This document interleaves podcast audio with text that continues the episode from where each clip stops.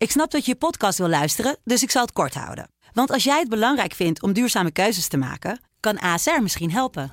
Nou hoor ik je denken, hoe dan? Nou, bijvoorbeeld bij het duurzaam herstellen van schade. Of de premies die we beleggen volgens ons duurzaam beleggingsbeleid. Dat bepaalt waar we wel en juist niet in investeren. Wil je meer weten over welke duurzame keuzes ASR maakt? Ga dan naar asr.nl slash duurzame keuzes. ASR doet het. Zo, dan kan je nu lekker naar je podcast luisteren. Dit is Strikt Privé, de dagelijkse showbiz-update met Evert Zantegoed en Jordi Versteegden. Weer een nieuwe dag in Showbizland waar het er niet al te rooskleurig voor staat. We hebben het zometeen nog over Dennis Schouten die met een schokkende mededeling kwam. Er is weer een nieuwe, ja, nieuw hoofdstuk eigenlijk in de Matthijs tapes. Zullen we heel even positief beginnen Evert? Is dat nog even een goed idee voordat we... nou ja, wat ik nog wel een beetje positief vind is dat die ex van Sylvie Meijs in één keer weer achter haar aan zit met allerlei... Ja, maar weet toch niet of dat, of dat over haar gaat of vergis ik me nou? Nou, volgens mij wel. Fijne Valentijnsdag aan de mooiste persoon die ik ooit in mijn leven heb ontmoet, reageert Nicolas Castello op een foto van Sylvie. Dus Oh, ja, dan wel, ja. ja. nou ja, eh, wie weet, de wonderen zijn de wereld nog niet uit. Maar op een gegeven moment wist hij toch niet hoe snel hij weg moest komen. Dus eh, nee. we- we- ja, Nou, nou, goed. Maar goed, wat Valentijnsdag al niet met een mens kan doen. We blijven dat even Ja, in de gaten houden. Wellicht komt er alsnog weer een showbiz huwelijk. Een tweede huwelijk tussen Sylvie en eh Niklas. Ja, dan toch maar naar Dennis Schouten. Want ik, ik zit daar nog steeds een beetje mee in mijn maag van hoe moet Ja, ik werd er gistermiddag over gebeld. En eh, ik heb ook afgesproken dat ik een interview ga doen met hem. Oké. Binnen niet al te lange tijd. Hmm. En ja, ik, ik hoop dat hij op andere gedachten gebracht kan worden. Want Ja.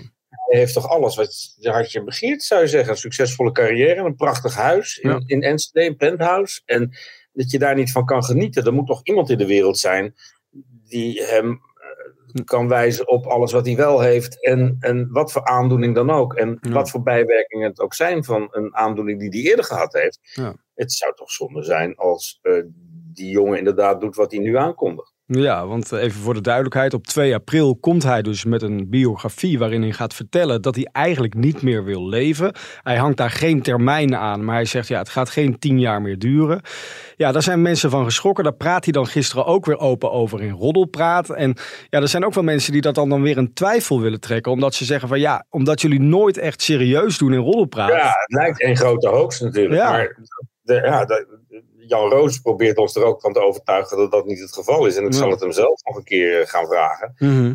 Ja, ik vind het wel een affaire die, eh, met, met verregaande gevolgen als dit eh, Ja. inderdaad eh, op een gegeven moment waar blijkt te zijn. En wat vind je ervan tot slot hierover dat hij dat dan in een boek gaat vertellen? Kortom, dat hij er eigenlijk ook wel weer een centje aan gaat verdienen met zo'n heftig verhaal. Hoe kijk je daarnaar? Ja, maar niet lang denk ik. Dan is het, eh, ja, nee, Ja. dat lijkt me nou niet de overweging. Ik denk dat het een te uitgebreid verhaal is om het één keer ergens in roddelpraat te vertellen. Of in een interview, of in een blad, of Ja. wat dan ook. Ja, Dat je dan denkt, ik schrijf samen met iemand die ik vertrouw een boek. ja. Dat vind ik niet zo'n gekke gedachte. Hmm. De kaft van het boek van eh, Dennis doet me trouwens een beetje denken aan eh, de boeken van de Meilandjes. Maar dat geheel Ja, terzijde. dat komt omdat de fotograaf eh, dit stijltje heeft. Oh. En dat is William Rutte. Hmm. En ja, die heeft dit zo'n beetje uitgevonden. en ja, het, het- zo, zo ziet een biografie er tegenwoordig uit. Ja. Ja, precies. En over het boek van Maxime Meiland gesproken. Morgen is het dan eindelijk bijna zover, kunnen we wel zeggen. Ja, maar stel je er niet te veel van voor. Hè? Hmm. Een echt mediaspectakel zal het niet worden over de aankomst en het vertrek van, van beide partijen. Nou, Hmm. één partij doet er alles aan om ongezien die rechtszaal binnen te komen. Ja. En Maxime, die, ja, die, die, die zal dat wel via de voordeur doen. Maar vervolgens gaat die voordeur dicht. Want ja, het gaat achter gesloten eh, deuren gebeuren. Mhm. Op verzoek van beide partijen. Mhm. Het zijn nog ook al wat intieme details natuurlijk die daar besproken gaan worden. En de rechtbank is daarin meegegaan. Ja. Dus eh, al te veel zullen we er niet van horen. Alleen te zijn de tijd het vonnis. Ja, dus even voor de duidelijkheid voor de mensen die nu denken, waar hebben jullie het over? Want hè, er ge- gebeurt zoveel in showbizland. Maxime Meiland staat morgen oog in oog met haar vermeende verkrachter, die dan weer wil dat het boek, hè, waarin hij wordt beschuldigd van verkrachting, dat dat uit eh, de winkels gaat. Nu moet ik zeggen dat Jan Dijkgraaf vanochtend ergens heeft gezegd dat dat boek al nauwelijks meer ergens te koop in een winkel ligt. Dat je het echt moet bestellen uh, online. Dus dat is dan enigszins goed nieuws. Ja. Maakt hij er toch nog even reclame voor. Maar het is, um, ja, er is hem veel aan gelegen om dat voor elkaar te krijgen. Het heeft al met al lang geduurd, vind ik. Want in november kwam al naar buiten dat hij niet blij was met dat boek. Ja. Zijn advocaat zelfs op de plek waar het gebeurd zou zijn, bezig kijken hoe het allemaal in elkaar zat en of zo'n verhaal stim. En morgen ja, wordt dat allemaal besproken. Maar daar krijgen we dus weinig van mee. Dan gaan wij eh, naar bijzonder nieuws, vind ik wel. Opmerkelijk nieuws over de televisietoekomst van Theo Maassen. Want er wordt dus achter de schermen bij BNN-Vara aan een programma met hem gewerkt. Ja, een programma dat Duitsland in kaart moet brengen. Een vrij duur programma ook, een reisprogramma. Hij is dus heel lang op reis geweest met een, met een grote cast, een team en, en, en alles om ja, te kijken wat is nou Duitsland, het land waar we een haat-liefdeverhouding mee hebben. zeker als, als er voetbaltoernooien zijn.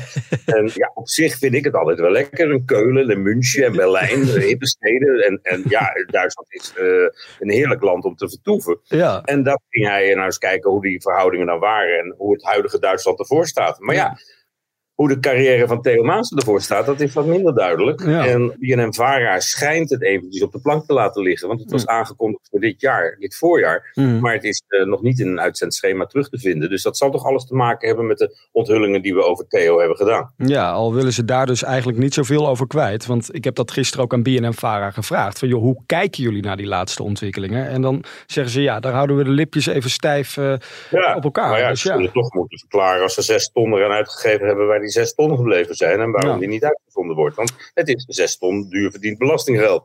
Ja, absoluut. Ja, en waar BNN-Vara eh, ook over wil zwijgen, dat is dat bewuste filmpje wat rond zou gaan van Matthijs van Nieuwkerk. Uh, ze hebben nu gereageerd. Ze zeggen, wij doen even niet mee aan alle aandacht die er nu is voor dat filmpje dat rond zou gaan. Voor ons nee, maar ze doen nergens in mee. En zouden overal hun lippen stijf over eh, elkaar. En in de tussentijd hoor ik allerlei verhalen over mevrouw Kunstler. Dus de vrouw die uh, Matthijs voor de bus gegooid heeft. Mhm. Die zelf ook boter op de hoofd zou hebben. Omdat ze ook een aantekening in het personeelsdossier heeft staan wegens agressief gedrag. Mhm. Of in ieder geval uh, het, het, zou voorgekomen zijn dat ze als zendermanager NPO 3 echt regelmatig als een bezetene tekeer ging. Met stoelen smeet tijdens een vergadering, uh, met collega's tekeer ging en op een gegeven moment op het matje geroepen is. En dat er dus echt een aantekening in haar personeelsdossier staat vanwege juist dat gedrag wat ze Matthijs verwijt. Dus ja, het is een, een, een gerucht dat mij gisteren te horen kwam. Ja. En daar ben ik ook wel benieuwd naar een reactie van haar erop. Ja, ik ook. En zeker ook van BNM-Vara. Dus daar gaan we dan vandaag achteraan. En wat ik nog wel opmerkelijk vind van BNM-Vara is dat zij dus nu zeggen in hun reactie van de aandacht moet uitgaan naar dat onderzoek. Terwijl het mevrouw Kunzeler zelf is die met dat interview in Pauw en ook in de Volkskrant. Ja, de aan... is het laatste setje gegeven. Ja, dus wat dat betreft, uh, hier is het laatste woord uh, zeker nog niet over uh, gesproken. Morgen, Evert, is het... Hoe is het laatste woord dat hij gesproken in deze podcast?